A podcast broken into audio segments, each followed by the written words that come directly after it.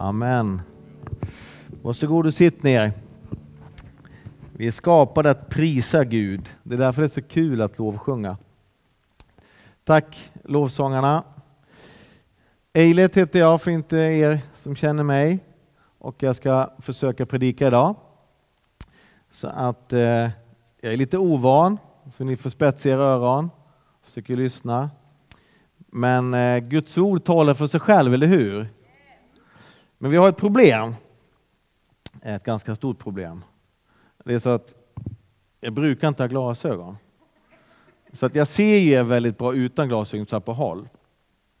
Allihopa, även nere där nere ser jag jättebra. Men när jag ska läsa, nu ser jag ingenting på texten här.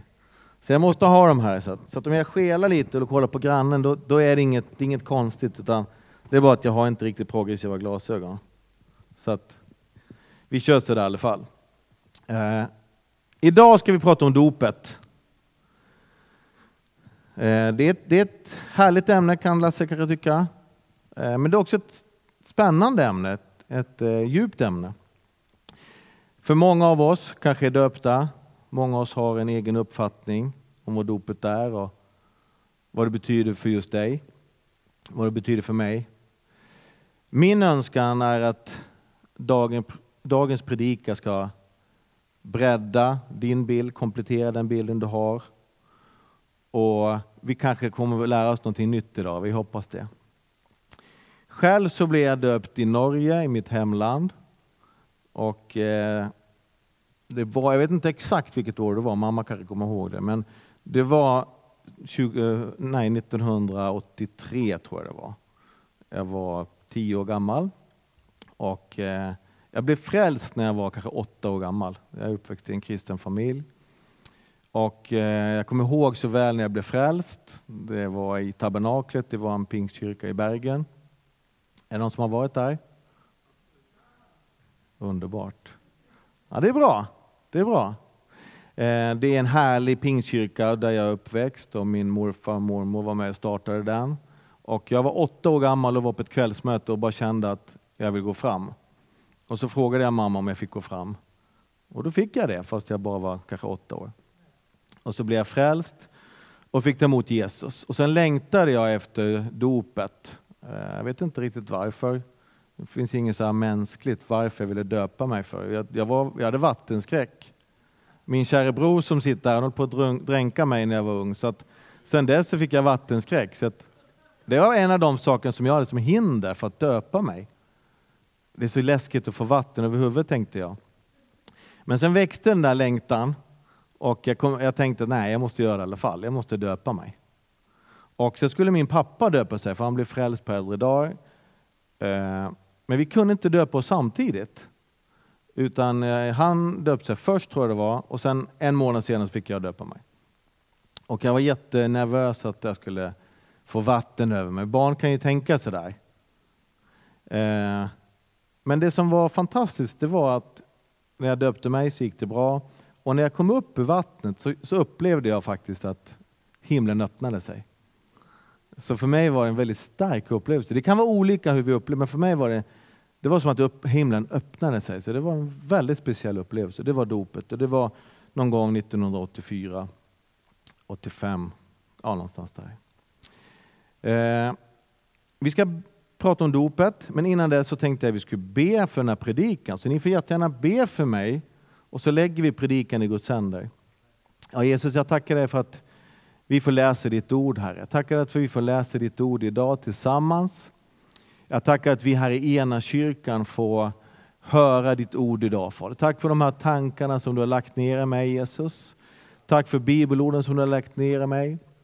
Jag ber att ditt ord ska få komma fram, Jesus, att inte jag ska skugga det som du vill säga, att inte min personlighet eller mina tankar ska komma i vägen. Utan jag ber Gud att ditt ord ska få komma fram. Jag ber att, att ordet som predikas idag ska få ha, ha en god grund i mina vänner som är här idag. Att det ska komma ner i deras hjärtan och det ska bära frukt och att vi tillsammans ska få bara känna att det här ordet det, det, det, hjälper oss. Ordet bygger oss. Ordet gör, ger oss kraft här. Så vi lägger den här, den här predikan i dina händer. Och jag vet att du är med mig. Jag tackar dig Gud för att din kraft är här. Jag tackar dig för att du är med mina syskon som är här. Amen. I Jesu namn. Eh, vi som församling, eh, hur ser vi på dopet? Ja, det, det, kan ju vara en fråga som man kanske inte har ställt sig. Det kan vara en fråga som betyder olika saker för oss. Men jag ska gå igenom några saker som, som eh, jag har fått av Christer, eh, vår pastor. Och sen har jag lagt till lite saker. Så att är det någonting som är konstigt så, så vill jag läsa ett bibelord först. Eh, I Predikaren, första Thessalonikerbrevet 5.21. Är det någon som vet vad som står där? På rak arm. Ja, du har ju varit med. Du får inte räcka upp handen. Eh, det är ett av mina favoritbibelord och det tror jag är väldigt viktigt. För det står så här i första test 5 och 21. Pröva allt och behåll det goda. Och då tänker jag så här att vi alla är präster och prästinnor som är inne. Det är inte någon som har bara rätten att förkunna Guds ord. Det har vi alla rätt till. Och därför är det så att det är det som vi får i våra hjärtan, det som vi tycker är gott, det är det vi ska behålla. Så av den här predikan, är det någonting som är dåligt, ja då är det upp till er att lägga undan det. Pröva det, släng det på skräphögen. Är det någonting som är bra, då ska ni behålla det. Kan vi vara överens om det? Visst är Guds ord sunt? Så att även om jag hittar på lite konstiga saker så kan ni bara glömma det. Och så behåller ni det goda. Det är trumf, kan jag säga vad jag vill. Eh, dopet är inte en namngivningsceremoni för oss bara. Det är inte så vi ser på dopet. Det är inte bara ett sätt där vi får ge våra barn ett namn. Dopet är inte där vi automatiskt kommer in i en församling, eller en kyrka eller en rörelse. Utan dopet, det betyder att vi tillhör Kristus. Vi döper oss till Kristus. Jesus sa i missionsbefallningen, gå därför ut och gör alla folk till lärjungar. Döp dem i Faderns, Sonens och den helige Andes namn och lär dem att hålla allt vi har befallt er. Och se, jag är med er alla dagar in till tidens slut. Det här är missionsbefallningen. Det är vad Jesus vill att vi ska göra. Och där står det om dopet. Jesus sa att vi ska döpa dem i Faderns och Sonens och den helige Andes namn. I Galaterbrevet så står det så här. Alla ni som har blivit döpta till Kristus har iklätt er Kristus. Iklätt Kristus. Vad betyder det för dig? Vad betyder det för mig? Att vi är iklädda Kristus. Här är inte jude eller grek, slav eller fri, man eller kvinna. Alla är ni ett i Kristus.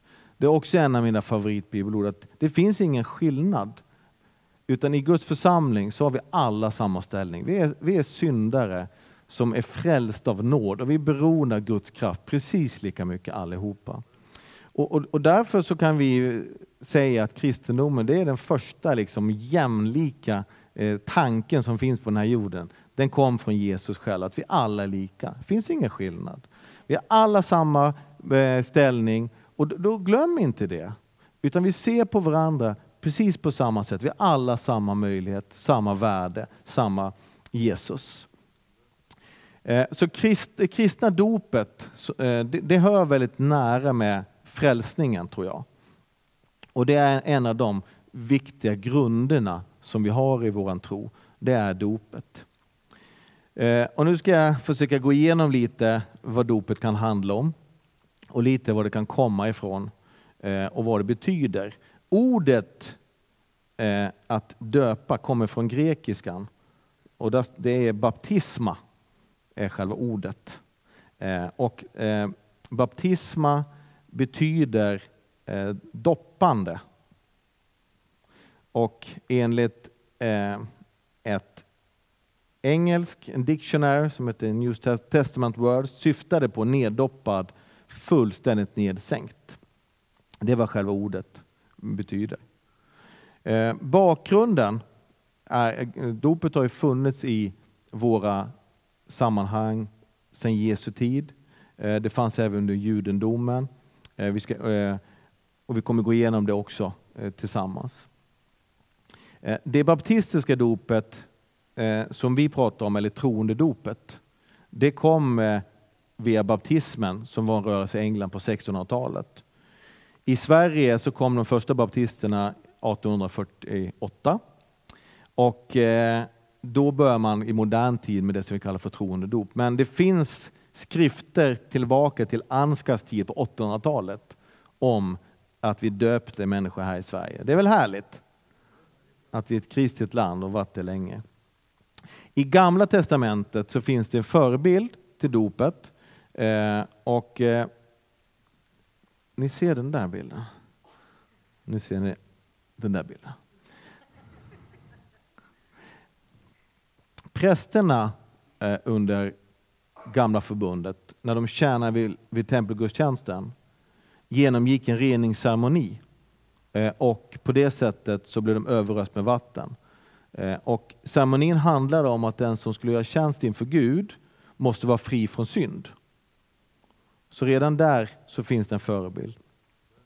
Noas ark känner vi till. Eh, det är också en bild. Det handlade ju lite om att, att människorna, vi människor hade gått vilse här på jorden. Det, det var syndigt, det var mörkt. Och Jesus fanns inte då, men Gud fanns, eller Jesus fanns också.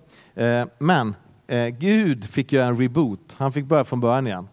Eh, och eh, faktum är att hela skapelsen blev lagt under vatten.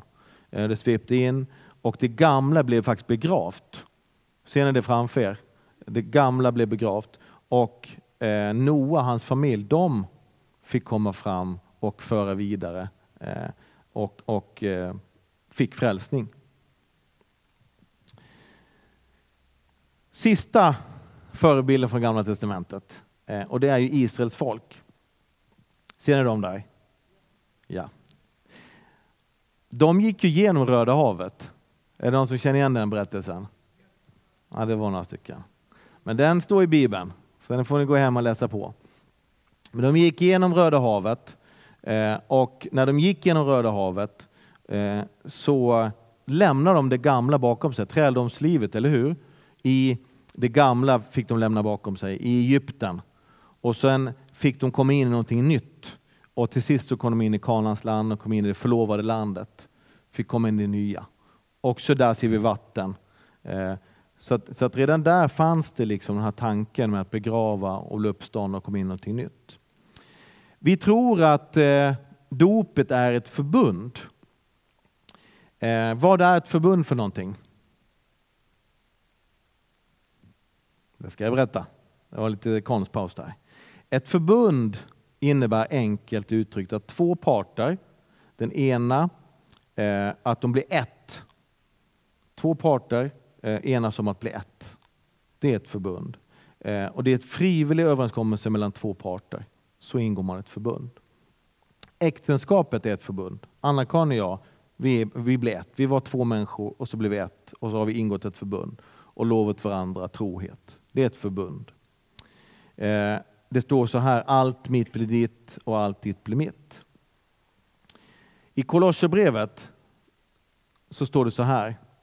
I honom blir också ni omskurna, inte med människohand utan med Kristi omskärelse, när ni avklädde er den syndiga naturen och begravde med honom i dopet. I dopet blev ni också uppväckta med honom genom tron på Guds kraft han som uppväcktes från de döda. Att bli döpt innebär alltså att ingå ett, förbud, ett, för, ett förbund med Gud själv. Finns det någon som är glad över det? Ja, nu får ni fundera lite. Hur stort är det att gå in i ett förbund med Gud själv? Vi förstår inte det. Vi ger oss själva till honom och Gud, han ger sig själv till oss. Jesu försoningsverk. Genom dopet så blir vi ett med honom, med Kristus. Är jag för snabb? Hänger ni med? Ja, ni, ni, gör det? Vad säger du Bernt, går det för snabbt? Nej, Bernt hänger med, då går det inte för snabbt. eh, Jesus, han förstod vad dopet handlar om. Och eh, I Lukas 12 och 15 så står det så här. Men jag har ett dop som jag måste genomgå säger Jesus. Och hur våndas jag inte tills att det är fullbordat. Jesus förstod vad hans dop, hans, det står så här, ett dop jag måste genomgå. Han menar korset, han menar att bli korsfäst. Och där har ni också det här att det är när frälsningen och dopet hänger ihop med varandra. Det är samma, samma innebörd. Och Jesus våndade för sitt andliga dop och förstod innebörden. Dopet är också ett reningsbad. Jag, jag läser mycket bibelord, men eh, då blir det inte fel. Då står det så här i Fesebrevet. Ja, ni ser det också, det är kanon. Ni män, älska er hustru så som Kristus har älskat församlingen och offrat sig för den. Han gjorde det för att helga den sedan han renat den med vatten, bad, vattnets bad i kraft av ordet och föra fram församlingen inför sig i helighet utan fläck och skrynkla eller sådant. Helig och fläckfri ska den vara. Det är ett reningsbad. Johannes säger, om vi bekänner våra synder är han trofast och rättfärdig så att han förlåter oss våra synder och renar oss från all orättfärdighet. Det är vad frälsningen gör, det är vad dopet gör. Den renar oss. I första Korinthierbrevet står det så här, Paulus säger, om ett sådant som får oss att missa målet, det vill säga synd. Han nämner otukt och avgudadyrkan, äktenskapsbrott, stöld, girighet och en sånt annat. Sen konstaterar han, sådan har några av oss varit, men ni är tvättade rena, ni har blivit helgade, ni har förklarats rättfärdiga i Herre Jesu Kristi namn och i vår Guds ande. Vi har begravt det gamla. Det är en begravning, dopet är en begravning. Det gamla livet begraver vi. Det gamla livet, det sätt att leva som skiljer oss från Gud och hindrar oss från en gemenskap med honom, det begravs i dopet. Dopasängen kallas också för dopgraven. Och i Romarbrevet står det så här. Eller vet ni inte att alla ni som blivit döpta till Kristus är döpta till hans död? Vi är begravda med honom genom dopet till döden. Men det slutar inte med döden, utan dopet är också en uppståndelse.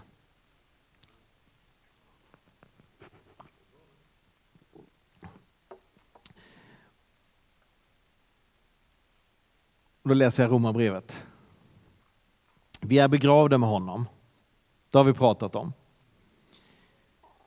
Genom dopet till döden, för att leva det nya livet. Liksom Kristus är uppväxt från de döda genom Faderns härlighet. För att om vi är förenade med honom i en död som hans, ska vi också vara det i uppståndelse som är hans. Har vi nu dött med Kristus, tror vi att vi också ska leva med honom. Hans död var en död från synden, en gång för alla, men hans liv är ett liv för Gud. Livet med Jesus, i och med förlåtelsen, leva i nåden. Vad är då att bli uppstånden med Kristus? Vad är det för liv vi kan leva? Det är ju det vi gör syskon. Det är ju livet med Jesus. Vi kan vara frimodiga, vi kan hänvisa till nåden. Vi kan varje dag säga att nåden är ny. Ja, nu tar jag på mig glasögonen igen. Eh, så skaffa progressiva. Det är synd att inte Riz står här. Eh, men det står så här i Klagovisorna 3.22. Herrens nåd är det med oss. Herren, Herrens nåd är det att det inte är ute med oss, ty det är inte slut med hans barmhärtighet. Den är var morgon ny, ja stor är din trofasthet. Det betyder att när vi uppstår med Jesus, när vi lever med Jesus, då kan vi varje dag leva frimodigt. För det står så här att den är ny varje morgon. Vad är ny varje morgon? Jo, nåden. Så att när vi gör bort oss som vi gör varje dag, vi gör ju det, eller hur? Jag ser inte Jesus fysiskt här. Så vi gör bort oss allihopa. Sen när vi vaknar dagen efter, då har vi ett helt nytt papper, ett helt nytt ark. Och längst upp så står det nåd. Det finns ingenting på det här pappret. Och sen säger Jesus, idag försöker vi igen. Idag gör vi tillsammans någonting bra. Idag välsignar vi någon. Och på det sättet kan vi vara frimodiga. Vi behöver inte känna att vi är arma syndare. Det är vi. Men det är inte det det handlar om. Det handlar om nåden, det handlar om korset. Vad betyder korset? Ja, korset betyder att en dog för de många. Vem var det? Han dog för oss. För att vi ska ha ett liv i överflöd. Inte på grund av oss, inte på grund av våra gärningar, men på grund av han. Och därför är uppståndelsen, därför är det det viktiga. Vi ska döda våra gärningar, det ska vi också göra ofta, men vi ska också resa oss upp i dopet med Jesus och ha frimodighet på grund av att det är en ny nåd varje morgon. Glöm inte det. En del dopgravar, jag vet inte om ni har sett de där gamla fina, eh, är byggd på det sättet att man går ner på ena sidan i dopgraven och sen går man upp på den andra sidan. Man kommer från det gamla livet, begraver det i dopgraven och sen in till ett nytt, en ny uppståndelse med Kristus. Har ni sett de där gamla dopgravarna? Det är en väldigt bra tanke, en väldigt bra bild att se att vi var döda, men vi nu lever. Så sammanfattningsvis så handlar dopet om att tvätta bort och begrava det som skilde mig från Gud. Att få en ny start tillsammans med Jesus. Genom förbundet bli förenad med honom, ett med honom. Det gamla dött och begravt med honom, men det nya är uppståndelsen med honom. Adamlivet, livet innan Jesus, det begraver vi innan vi valde Jesus. Alla har vi förhoppningsvis någon gång valt Jesus. Har du inte gjort det så är det, är det idag du ska göra det. Men den dagen du valde Jesus, då valde du att dö bort från dig själv och leva, inte Adam-livet, den fallna naturen. Adam som försökte bestämma själv och, och bli skild från Gud. Det livet begraver vi i dopet. Och så stiger vi upp som en ny skapelse och lever Jesuslivet. Så att Adam Eilert, han dog i dopgraven i Norge där eh, 20, nej, 1981. Och sen kom Jesus Eilert upp under dopgraven. Och samma sak var det för dig. Och det är den som vi ska identifiera oss med. Han som uppstod tillsammans med Kristus, hon som uppstod tillsammans med Kristus. Så dopet är också, det är också någonting som vi kan peka på. Vad sa du Anna-Karin? Var det kul? Eh, dopet synliggör att jag nu är frälst, lever för Gud. Andligt och fysiskt ett bevis på att det nu är Jesus som lever. Och jag, jag påstår så här att, att vi både kan och bör peka på dopet. Kom ihåg att vi är döpt oss. När den onde kommer och säger du duger inte. Nej, absolut inte, jag duger inte. Men jag är död. För jag dog i dopgraven. Jag valde inte att leva själv, utan jag valde Jesus och han duger. För han dog på korset och han tog alla sjukdomar, alla synder, alla smärtor. Tror vi på det? Tror vi på det? Om det nu var så att han tog allt, så är det, det är Jesus vi ska vara lika, eller hur? Därför kan vi komma ihåg vår dopkrav. Vi kan komma ihåg när vi begravde det gamla livet. Och när djävulen kommer och säger, du duger inte. Nej, jag har aldrig dugit, jag kommer inte göra det, men tack vare nåden så duger jag. Så därför är det nya skapet, det är någonting nytt som kommer upp ur dopkraven.